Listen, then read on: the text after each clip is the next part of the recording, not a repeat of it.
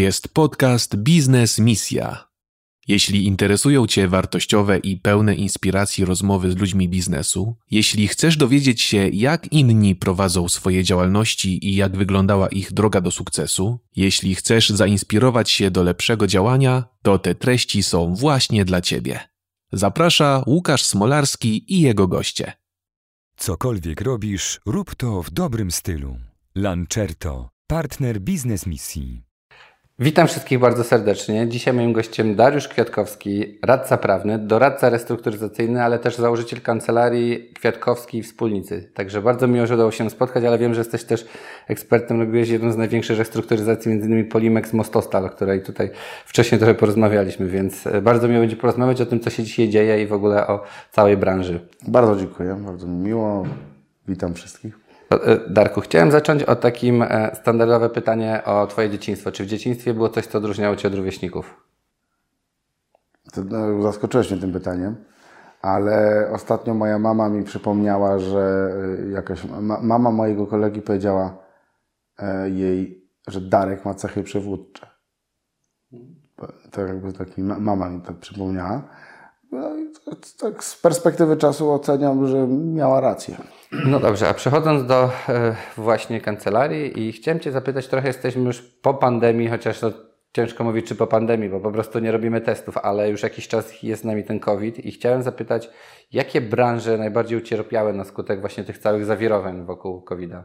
Wiesz, znaczy, ja, ja, to, to nie jest tak, że ja robię jakieś badania, tak? Ja mogę to powiedzieć na podstawie tego, jakie ja mam własne doświadczenia w kancelarii restrukturyzacyjnej.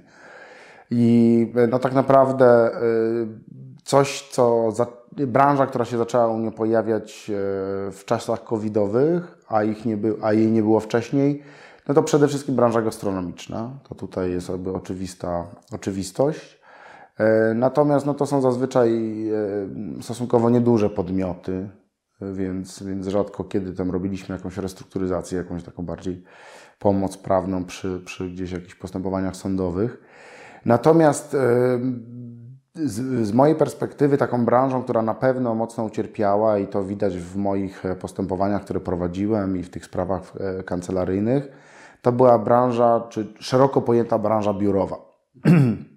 Wszystkie podmioty, które e, no, albo właśnie chciały wychodzić z najmu jakichś powierzchni biurowych, albo powierzchni, no, powiedzmy firmy sprzątające, E, nagle traciły zlecenia na, na, na, na obsługę biurowców i wiele tego typu e, firm.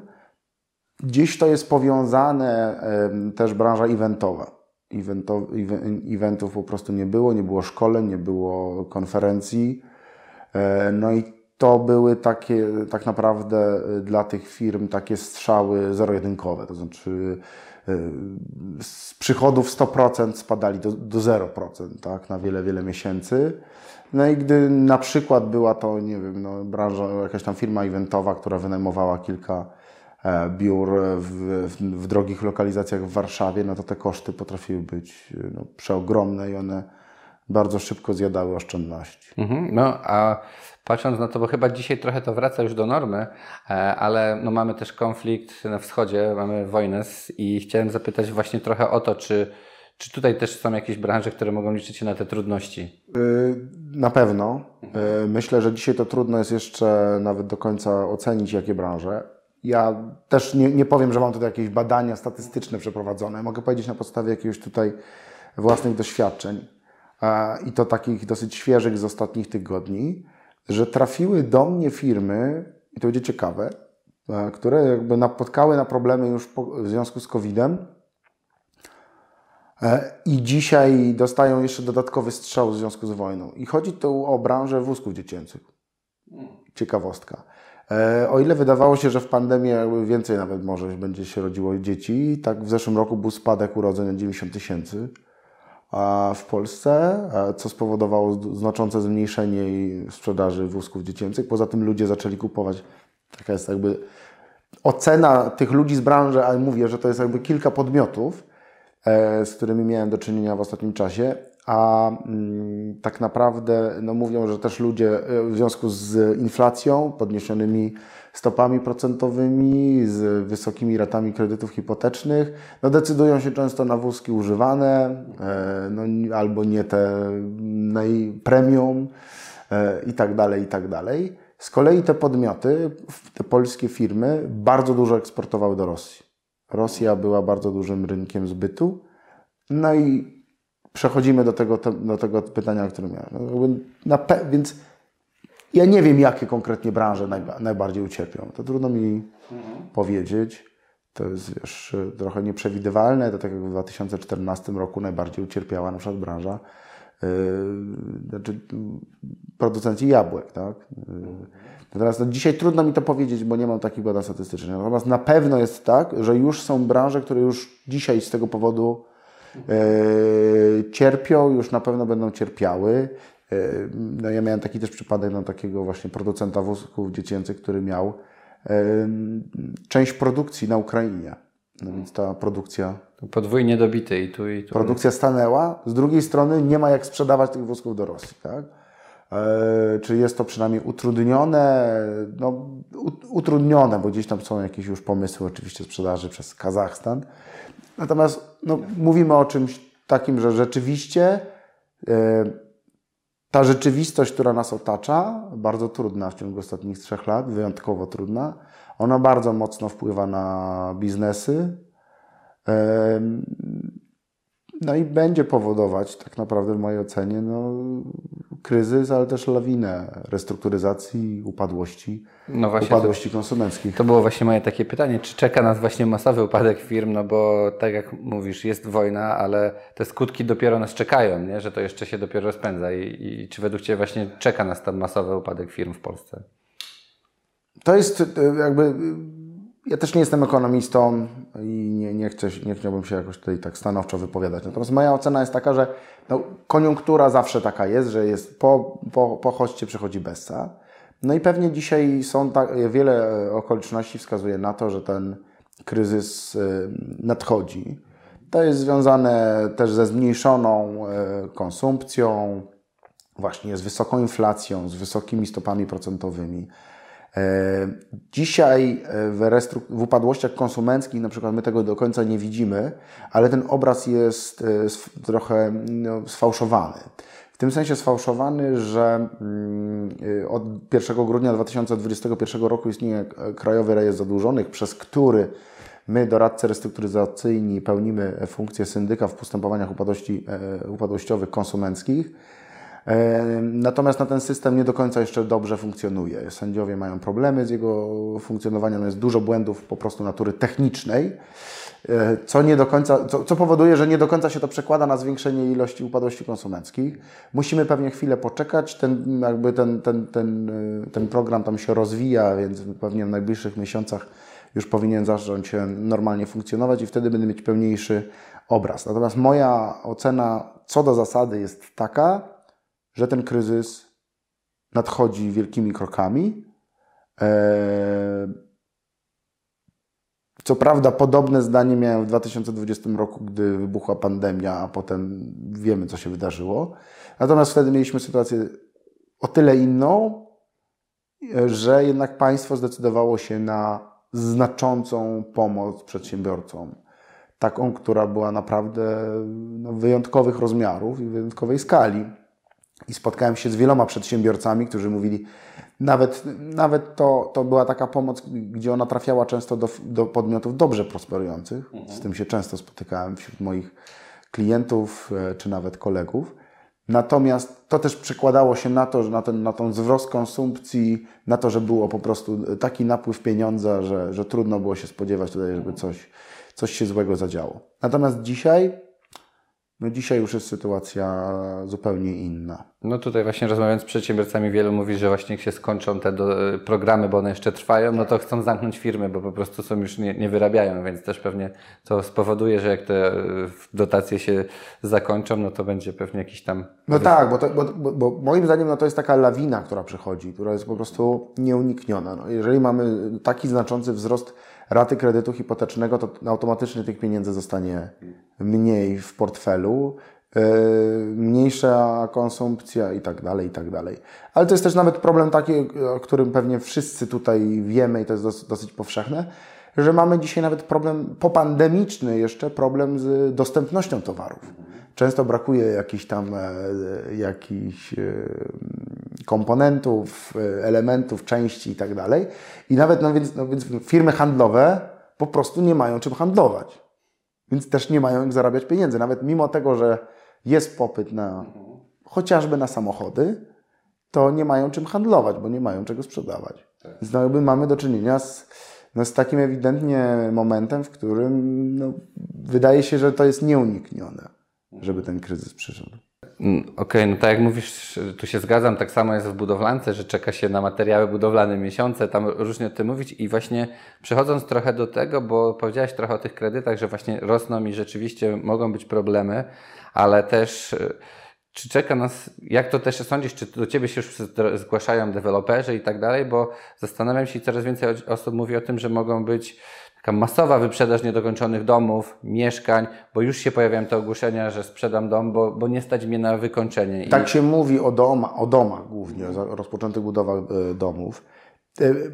Ten proces jeszcze nie nastąpił. To znaczy rynek jest jeszcze na tyle rozgrzany, że to tam jeszcze się sprzedaje. To mieliśmy w marcu, pod koniec marca mieliśmy największą liczbę e, kredytów hipotecznych, bo jeszcze chcieli zdążyć przed, przed tymi wzrostami, przed spadkiem zdolności kredytowej, przed tymi wzmożonymi wymogami, które się pojawiły.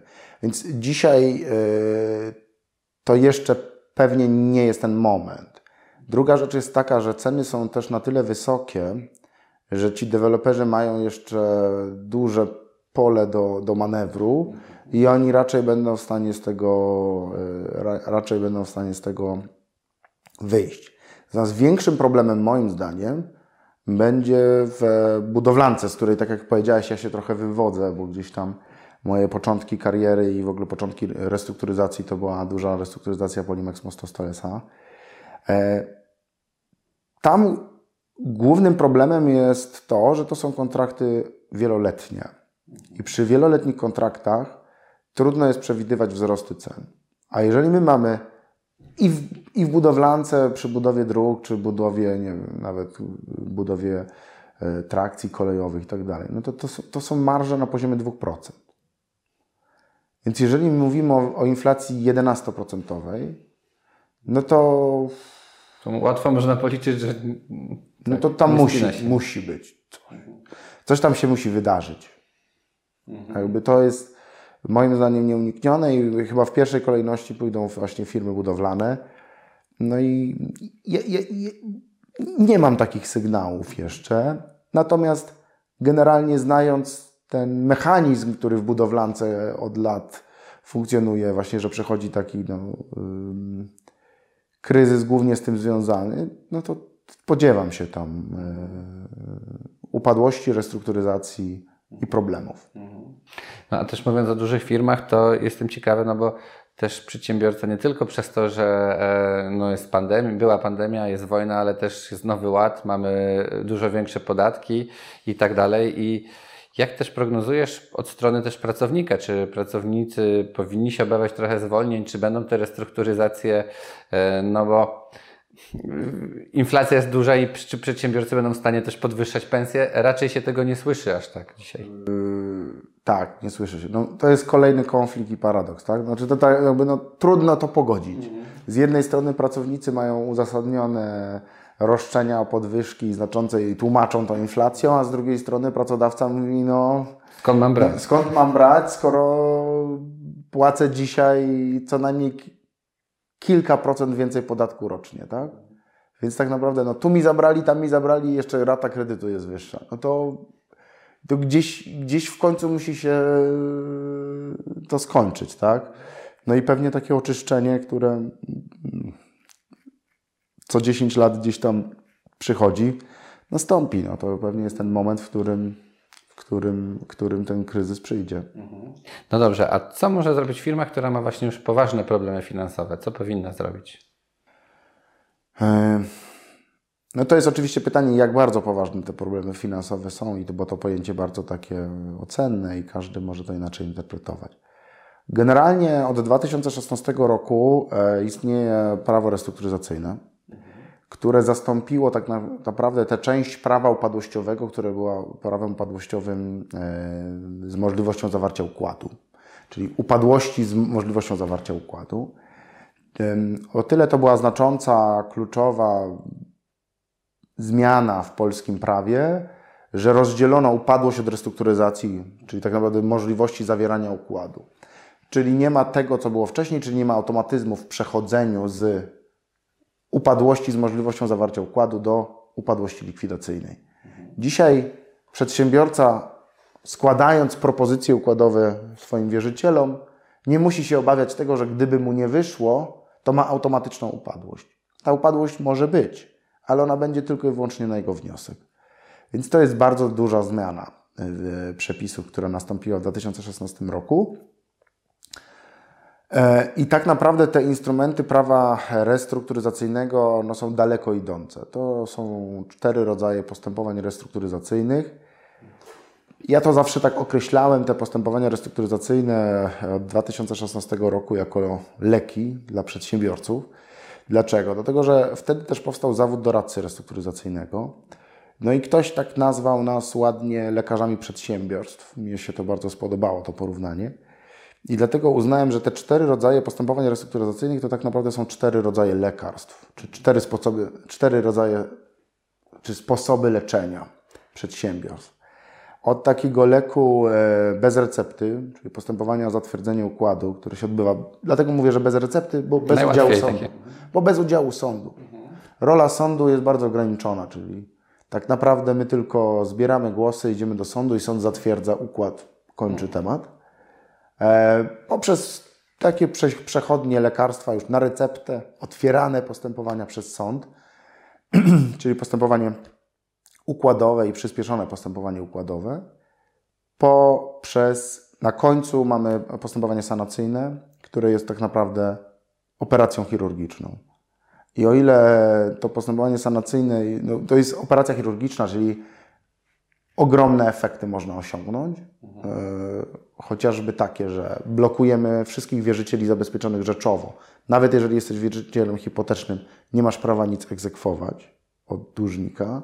Możesz wypowiedzieć yy, niekorzystne dla siebie kontrakty, nawet jeżeli to nie wynika z umowy. Możesz yy, zwolnić pracowników bez wymogów zwolnień grupowych. I tak jak w każdym innym otwartym post no, innym postępowaniu restrukturyzacyjnym jest zakaz egzekucji z takiego dłużnika i, i blokada możliwości wypowiadania kontraktu. Kurczę, jak się to słyszy, to rzeczywiście niezły pakiet ma. Więc postępowanie sanacyjne jest pakietem daleko idącym, więc można zrobić cuda. Natomiast tak jak każda operacja, jest ryzykowna i jakby wiąże się z tym ryzykiem, że pacjent może umrzeć. No, to, to dotyczy, postępowanie sanacyjne zazwyczaj dotyczy większych przedsiębiorstw. przedsiębiorców. No tam to, to, to, to, to nie są raczej mikrofirmy, nie wchodzą w, w, w, w, w sanację, raczej mówimy o większych podmiotach których są do dokonania określone działania sanacyjne. To może być sprzedaż majątku, e, może być jakieś, e, jakaś restrukturyzacja wewnętrzna, właśnie może być, e, mogą być zwolnienia grupowe. Coś tam się musi wydarzyć, co spowoduje, że firma na nowo zacznie przynosić zyski. Masz jakiś taki ciekawy przykład z życia, który mógłbyś się podzielić, takiej firmy, która dostała de facto chyba drugie życie, bo to można powiedzieć, że to jest taki drugi dobry start dla firmy. No mam wiele takich e, przykładów, bo ja, ja, prowadziłem chyba pierwsze w Polsce postępowanie sanacyjne firmy budowlanej, które zostało zresztą wykonane. To rzadko się zdarza. Znaczy, za, zawierane układy są często, ale żeby zostały wykonane jeszcze w takim krótkim czasie to się zdarza rzadko.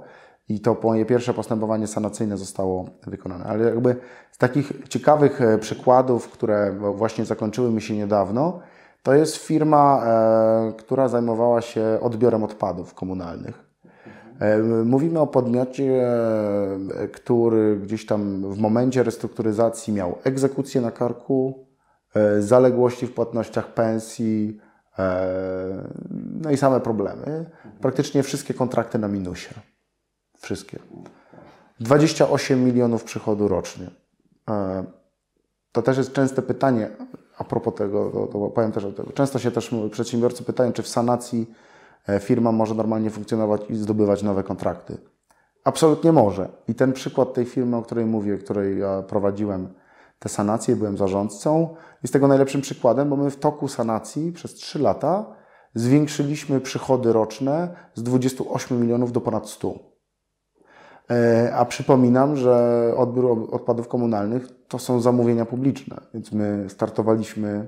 W przetargach łatwo nie było. Więc łatwo nie było. Mhm. E, oczywiście tej firmie konkretnie pomogła koniunktura i to, że zmienił się bardzo mocno rynek, bardzo, wszyscy to odczuliśmy też, bo, bo, bo przecież odbiór e, odpadów w mieszkaniach wzrósł znacząco w ciągu ostatnich e, paru tak, lat. Cały ten trend zero waste i tak dalej. Nie? Tak, tak. Więc to, więc, więc to jest ten.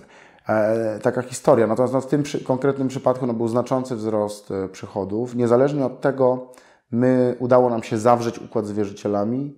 Większość wierzycieli opowiedziała się za, co powoduje, że wszyscy wchodzą do takiego układu. E, zawrzeć układ, który no, zakłada ponad 50% redukcję starych długów plus umorzenie odsetek i wszystkich innych zaległości ubocznych. No więc to są ogromne korzyści dla tej firmy i tak naprawdę mogę powiedzieć z dużą satysfakcją, że to jest restrukturyzacja, która da, no, no, daje potężny oddech tej firmy. No, tak naprawdę ta firma jest w 100% wyleczona. No to ja mam pytanie, bo powiedziałeś o tych czterech lekarstwach, to też od czego to zależy, jakie działania naprawcze można podjąć w firmie? Czy jest coś takiego? Jak to do tego podejść? To jest też temat, e, muszę wrócić do pandemii. To jest temat e, e, trochę taki, że ja właśnie zawsze mówiłem o tych czterech lekarstwach i tak naprawdę od 2016 roku do 2020 roku to ten wybór między tymi rodzajami postępowań restrukturyzacyjnych sprowadzał się do dwóch rodzajów postępowań. Albo przyspieszonego postępowania układowego, albo postępowania sanacyjnego. Marginalne były postępowania układowe lub też postępowania o zatwierdzenie układu. Takie, tak wtedy wyglądała rzeczywistość. Natomiast w, w czasie pandemii ustawodawca wprowadził dodatkowe postępowanie restrukturyzacyjne, piąte tak naprawdę, które już nie obowiązuje. E, tak zwane uproszczone postępowanie restrukturyzacyjne i to postępowanie tak naprawdę zmieniło cały rynek. Zmieniło świat restrukturyzacji o 180 stopni. E, dlaczego? Dlaczego? Dlatego, że wybrano z postępowania zatwierdzenia układu najlepsze elementy oraz z innych postępowań restrukturyzacyjnych wybrano najlepsze elementy i zrobiono jedno postępowanie restrukturyzacyjne combo, które jest postępowaniem, które jest lekiem bez recepty ze skutkami operacji chirurgicznej. E, dlatego, że to postępowanie jest pozbawione wszelkich, innych, wszelkich wad innych rodzajów postępowań restrukturyzacyjnych. I dzisiaj 90, pewnie kilka procent to, to są właśnie te postępowania uproszczone, ja powiedziałem, że ona, nie, ona już nie obowiązuje. Nie obowiązuje, bo ustawa covidowa już przestała, e, z tej, ustawy już przestało to obowiązywać. Natomiast te zapisy zostały wprowadzone do postępowania zatwierdzenia układu i postępowanie zatwierdzenia układu już nie wygląda tak, jak wyglądało w 2016 roku, tylko wygląda tak naprawdę tak, jak uproszczone postępowanie restrukturyzacyjne.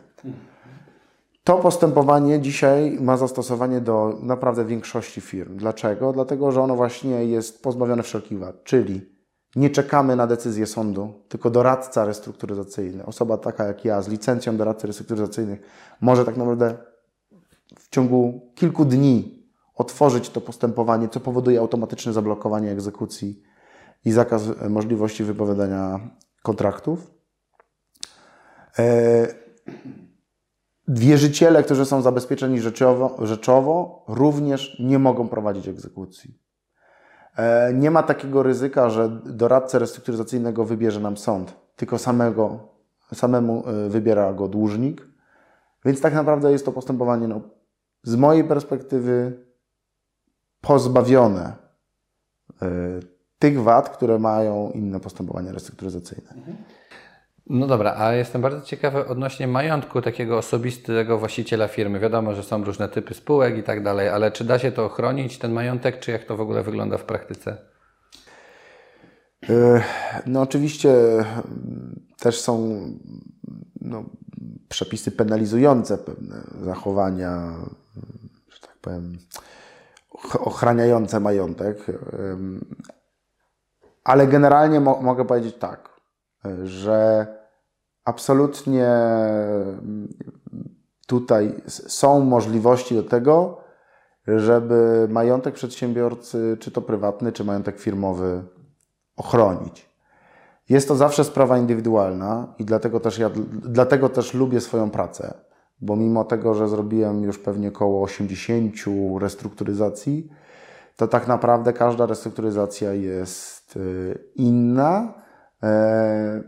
E, często y, podobny jest sposób leczenia, natomiast każda restrukturyzacja jest inna, oparta o inne fundamenty, inne są problemy firmy, inne są branże i to jest zawsze jakaś ciekawa układanka do zrobienia, więc tak naprawdę, żeby w konkretnym przypadku móc powiedzieć, czy co my jesteśmy w stanie zrobić dla tego dłużnika i jak jesteśmy mu w stanie pomóc, czy jesteśmy w stanie ochronić jego majątek, to jest kwestia indywidualnej analizy konkretnej sytuacji. No dobra, Darku, chciałem wiedzieć, bo też wielu widzów to interesuje, jakieś takie najbardziej przykłady z życia, najbardziej imponujących spraw życia zawodowego. Trochę powiedziałeś o tych ostatnich, ale może coś na przekór, bo czy tutaj też nie rodzą się jakieś takie patologie? Czy ktoś nie próbuje, no tak sobie myślę od razu, jeśli mam taki wachlarz firm, nie wiem, założę firmę, ogłoszę taką upadłość, zgłoszę się do Was i Słyszałem i, i, i, widziałem na własne oczy y, y, takie sytuacje.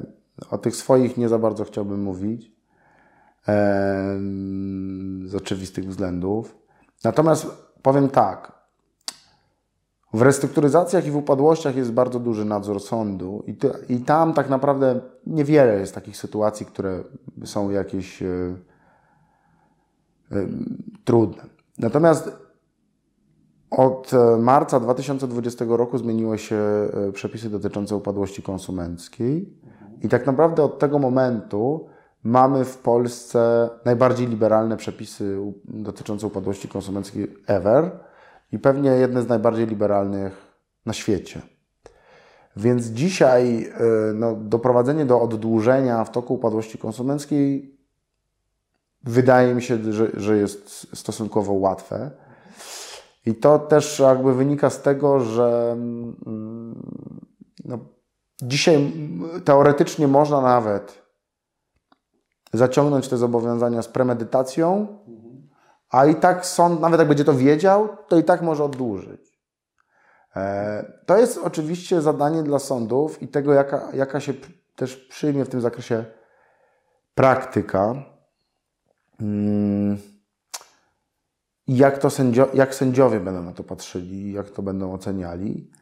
Natomiast yy, no, na ten moment ja też widzę pewne rozbieżności między różnymi sądami w Polsce, no, ale na ten moment tak patrzę na to, że, że, że, że to jest dosyć liberalne podejście. Mhm. Czy zdarzało nam się tak, że my jako na przykład syndyk w upadłości konsumenckiej, no to, no to widząc danego dłużnika, no to tam dawaliśmy plany spłaty, no, kwotę x, a sąd ustalał na pół x, prawda? Więc no, to jest, tak to wygląda. Taka jest też rola doradców restrukturyzacyjnych, żeby te patologie, żeby do tych patologii nie dochodziło.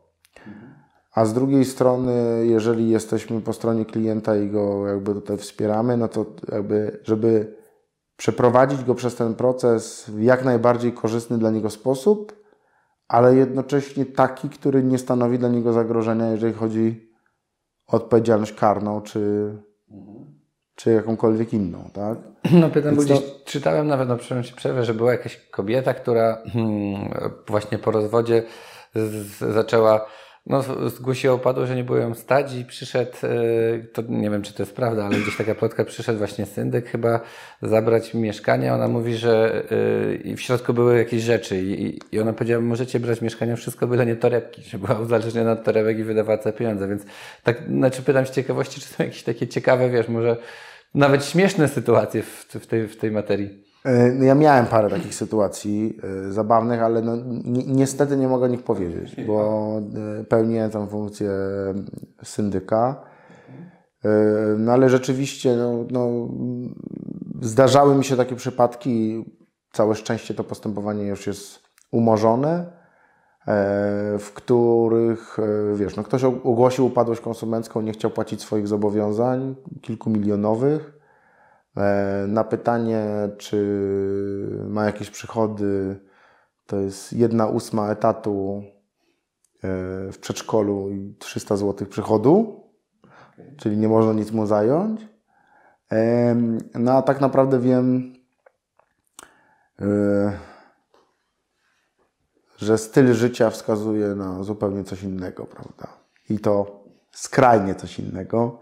To znaczy nie mówimy o tym, że ktoś normalne prowadzi życie, tylko raczej um, ekskluzywny. Bardzo ekskluzywne. Ja jestem golfistą, amatorem.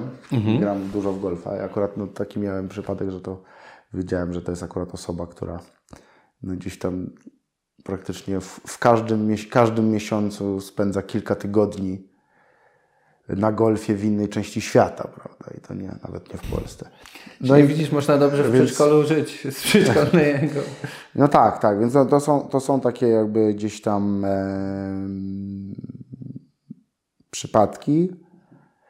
Mm, niestety też problem polega na tym, że często my jako doradcy restrukturyzacyjni i pełniąc funkcję syndyka nie mamy narzędzi do tego, żeby coś z tym zrobić.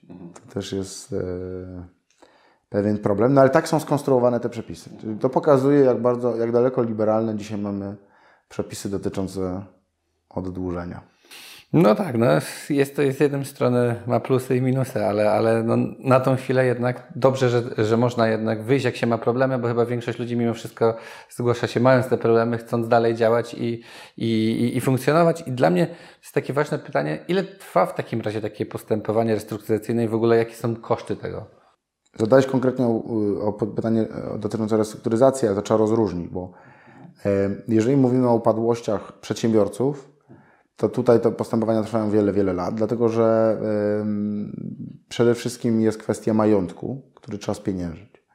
I tutaj często się mówi o tym, a syndyk tam dostaje pieniądze co miesiąc i dlatego tak długo to przeciąga. To nieprawda, bo i tak dzisiaj to nasze wynagrodzenie jest głównie zależne od, od, od tego, żeby, no, zakończyć postępowanie jak najszybciej. Im szybciej, tym więcej dostaniemy. Natomiast na sam proces sprzedaży, formalno, formalności w sądzie, przetargi, ogłoszenia, zaskarżenia, zażalenia, bla, bla, bla, powoduje, że to trwa bardzo długo.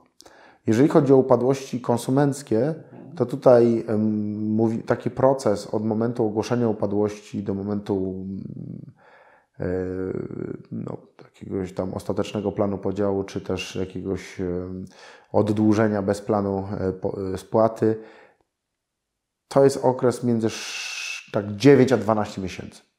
Tak to mniej więcej to patrząc dzisiaj... na nasze sądy nie jest tak źle. To nie jest tak źle. Mhm.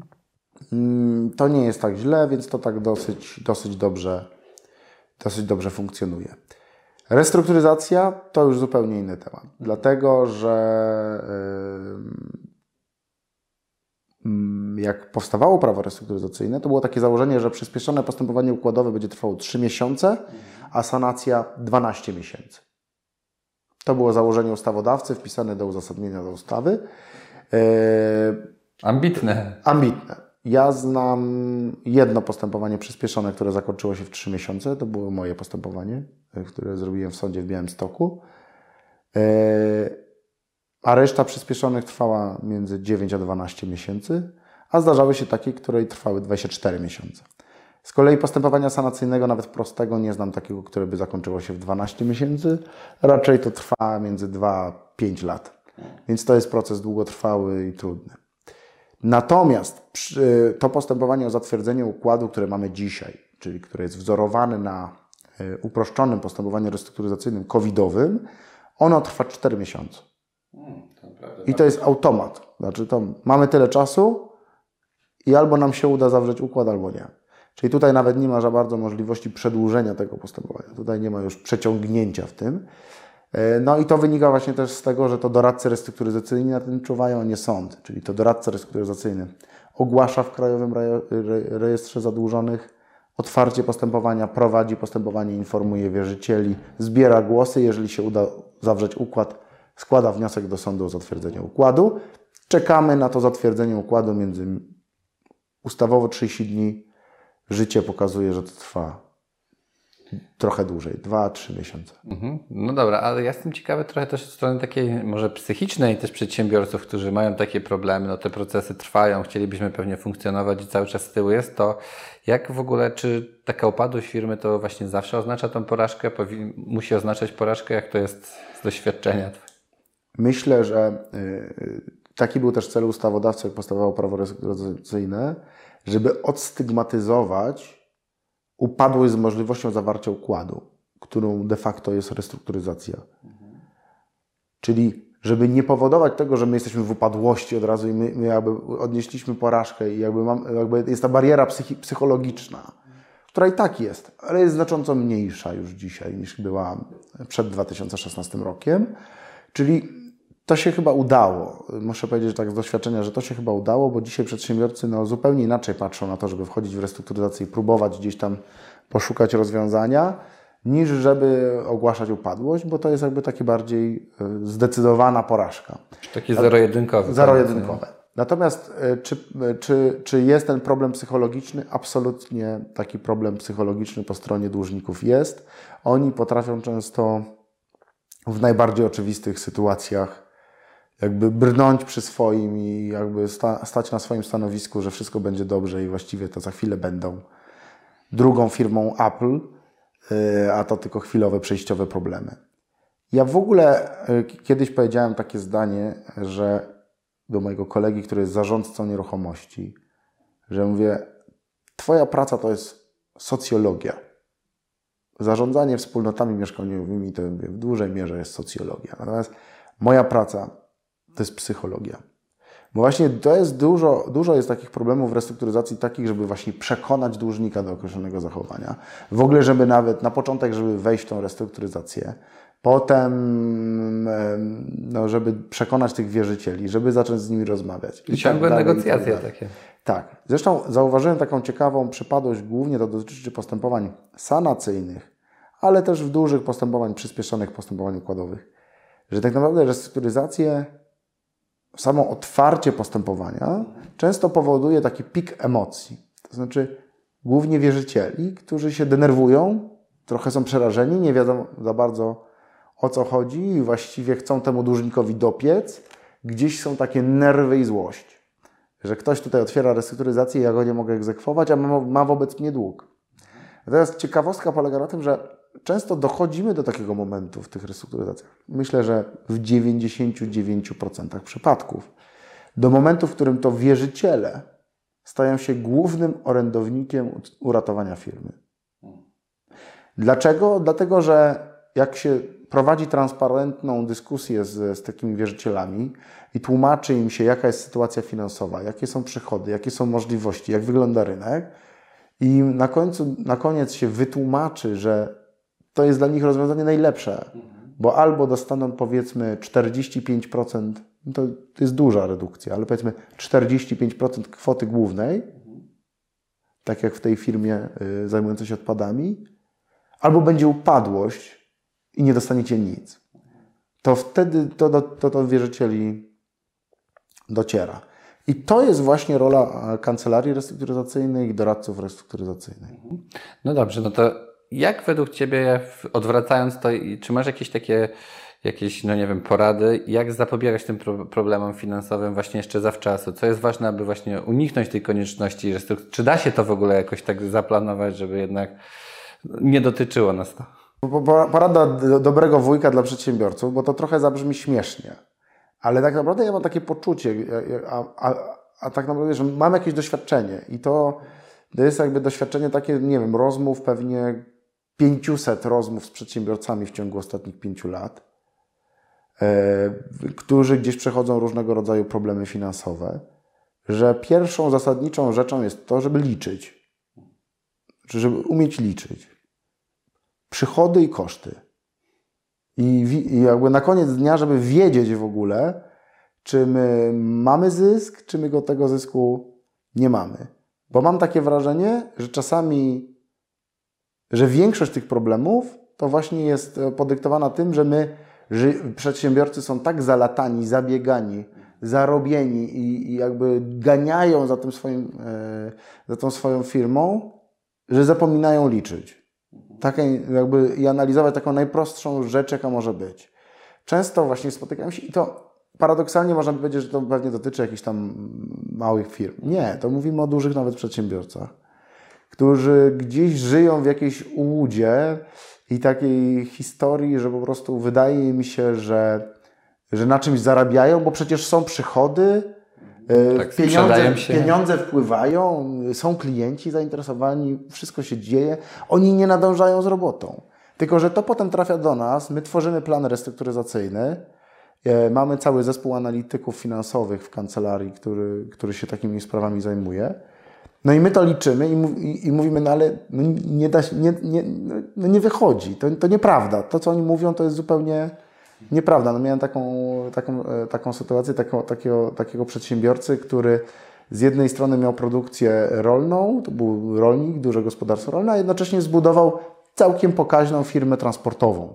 I miał tam kilkadziesiąt e, ciągników. I to wszystko było na jednej działalności gospodarczej. I on mówi do nas, wiecie co, no to rotujmy to gospodarstwo rolne, a, ym, ale nie musimy, ale to nie jest mus, bo ja i tak najwięcej zarabiam na tym transporcie. Okazało nam się, jak my to policzyliśmy, to się okazało, że on miesięcznie do transportu dokłada 100 tysięcy. I on jakby nie potrafił, jakby on gdzieś po prostu był w takim ferworze walki, gdzieś zapętlenia, że, że on tego nie ogarniał. No tak podobnie mieliśmy, mieliśmy taką firmę, która była dosyć dużą firmą ochroniarską. Mm, Znaczy nie do końca ochroniarską, taką branżę, gdzieś tam w branży okolity ochro- ochroniarskiej, gdzieś tam w takim e, jakby trybie abonamentowym funkcjonowała, ale też w trybie serwisowym. Czyli tam były tam było kilkadziesiąt y, tysięcy umów serwisowych podpisanych takich tam na serwis urządzeń alarmowych. No i oni mówili, no to jest, to jest super, to musimy zostawić, bo to jest genialne, zarabiamy na tym, to są co miesiąc pewne pieniądze. Tylko, że jak my, to, my, jak my to policzyliśmy, to się okazało, że na tych usługach serwisowych oni bardzo dużo dokładają co miesiąc. Czyli rzeczywiście ciekawe, żeby przejrzeć w ogóle firmę i Przejrzeć firmę i ją policzyć. E, myślę, że to też wynika trochę z tego, że, że często właśnie, to znowu psychologia, że często przedsiębiorcy te swoje firmy traktują jak swoje dzieci. I tam jest bardzo dużo pewnych emocji i takich swoich wizji, wyobrażeń i fantazji, a nie do końca są to tematy, które są policzone, skalkulowane i, i, i- przemyślane. Trochę odklejenie trochę od rzeczywistości, że moje jest najlepsze, ja zarabiam i jest wszystko dobrze. Nie? Mhm. Y, To prawie kończąc, jeszcze takie standardowe pytania, o, też jako biznes, to inwestycje. I co, w co ty dzisiaj poleciłbyś, inwest- w co ty byś dzisiaj zainwestował pieniądze? Jakbyś powiedzmy, mamy jakąś sumę pieniędzy, niech to będzie 100 tysięcy, to w co dzisiaj warto inwestować? To jest dobre pytanie, bo sam bym chciał wiedzieć tak na, na 100%, jakby tutaj nie czuję się jakimś wyjątkowym e, specjalistą. Natomiast e, ja mogę powiedzieć, jakie inwestycje robię. Znaczy, ja dzisiaj inwestuję w grunty. Znaczy, uważam, że to jest e, coś, co jest pewne. To, znaczy, to jest pewnie raczej inwestycja długoterminowa, ale no, to jest, e, no, gruntów więcej nie będzie.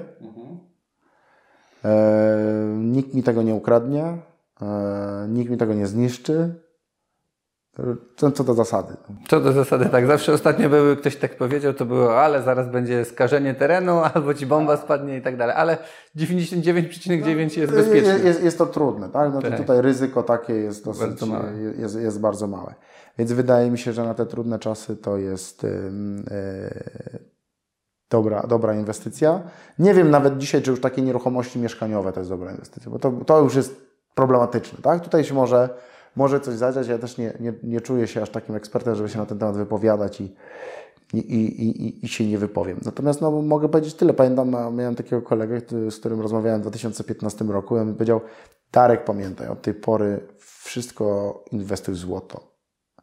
E, I to miało absolutny sens, ja podziwiam, bo on miał rację, tylko że to już nie jest ten moment. To trzeba było robić od 2015 roku, a dzisiaj pewnie może trzeba byłoby sprzedawać, prawda? To ma sens, tak. To troszkę trzeba było uciekać. E, Derku, to jeszcze jest takie pytanie o książkę. Czy jest jakąś książka, którą poleciłbyś naszym widzom, jakaś twoja ulubiona? Znaczy ja, ja, ja w ogóle jestem e, fanem psychologii od jakiegoś czasu.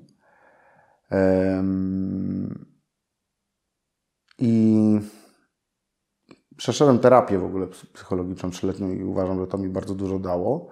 E, zresztą no, na początku miałem do tego takie podejście, że no to jak mam problem, to należy wziąć jakąś tabletkę, jakieś rozwiązanie, jakieś truby. To, to, o czym tak, tutaj tak. gadać, tak? To nie ma rozmowy. I potem po jakimś czasie e, widziałem taką zapowiedź czy wywiad z Dirkiem Rossmanem e, na temat jego książki. E, jako zapowiedź jego, jego biografii bodajże, tam jakby książki opisującej sukces sieci Rossmann. Ja jej nie czytałem, ani jej nie, polecam, ale do czego zmierzam?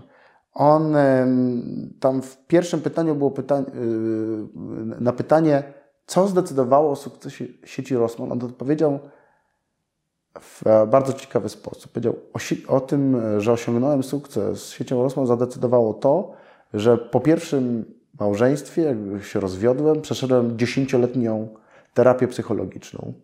I to zmieniło moje postrzeganie świata i zmieniło mnie, a tym samym pozwoliło mi rozwinąć firmę. To mniej więcej było takie mhm. przesłanie. Gdybym ja to usłyszał, a nie wiem, 5 lat temu, to bym powiedział, że facet jest dziwny. A gdy to usłyszałem właściwie, będąc już na terapii, e, powiedziałem sobie, ma facet rację. Ma to sens, ma facet rację, to bardzo dużo zmienia.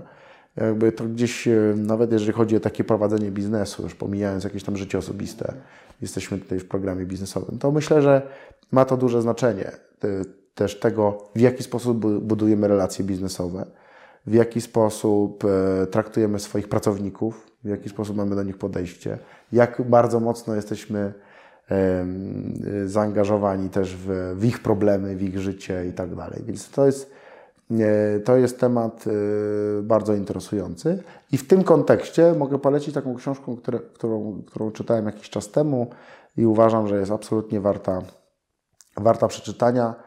E, ona się nazywa bodajże 12 życiowych zasad, e, więc to jest moja rekomendacja. Super, bardzo, znaczy poruszyłeś bardzo ważny temat i bardzo jakby potrzebny, bo, bo przedsiębiorczość i biznes to też właśnie e, życie poza biznesem, tak? Żeby być, odnosić sukces, to właśnie trzeba mieć te i relacje w domu, i, i z rodziną, i w ogóle wiele, wiele innych obszarów i często o tym przedsiębiorcy zapominają, zaniedbują i czasami jest za późno na różne rzeczy. Tak, absolutnie, absolutnie tak. To wydaje się, że no, to wszystko musi współgrać. Tak jak często się mówi, że za sukcesem Roberta Lewandowskiego też stoi jego żona. No, prawda, bo ma spokojną głowę, nie ma jakichś tam e, e, bagażu, który gdzieś mu ciąży i problemów, które gdzieś tam e, są poza boiskiem.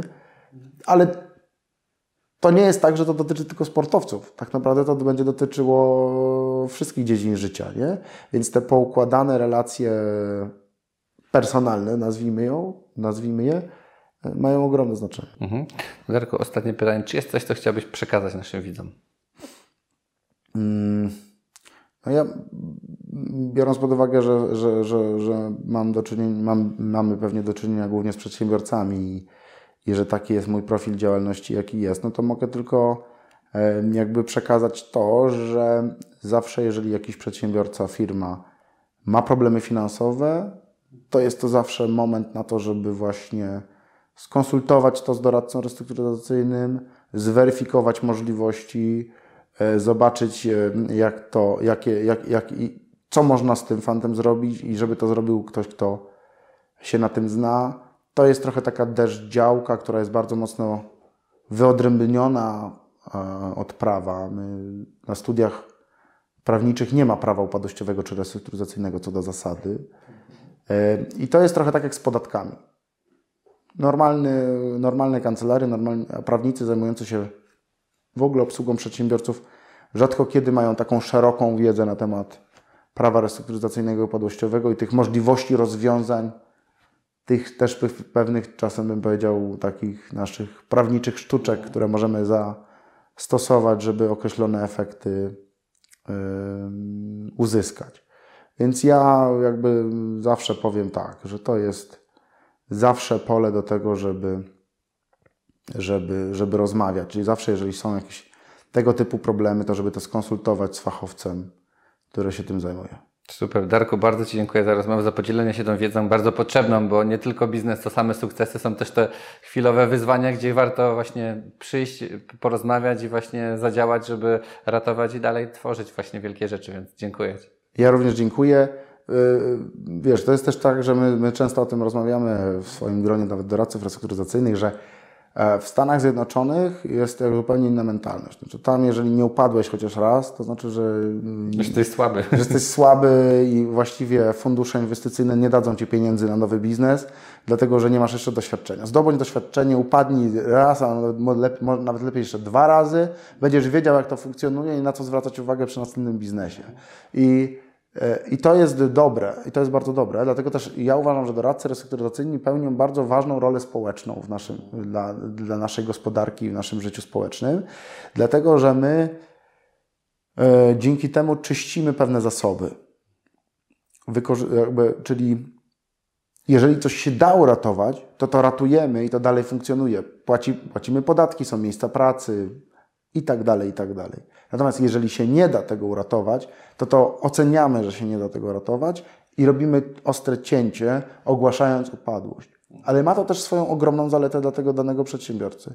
Przede wszystkim taką, że on nie zajmuje się tym bałaganem, który tam gdzieś jest i nie sprząta go przez 8-10 lat, tylko może zacząć coś nowego i zacząć życie od nowa. I jakby to jest też niezwykle e, ważna rzecz. U nas e, często właśnie pokutuje takie myślenie na temat biznesu bardzo emocjonalne. To jest moje dziecko, ja go nie, no nie mogę doprowadzić do upadłości, teraz będę walczył. To nie do końca tak jest, bo robiąc zupełnie coś innego, będziesz bardziej pożyteczny. Bardzo dziękuję za spotkanie i do zobaczenia następnym razem. Dziękuję Darku. Dzięki.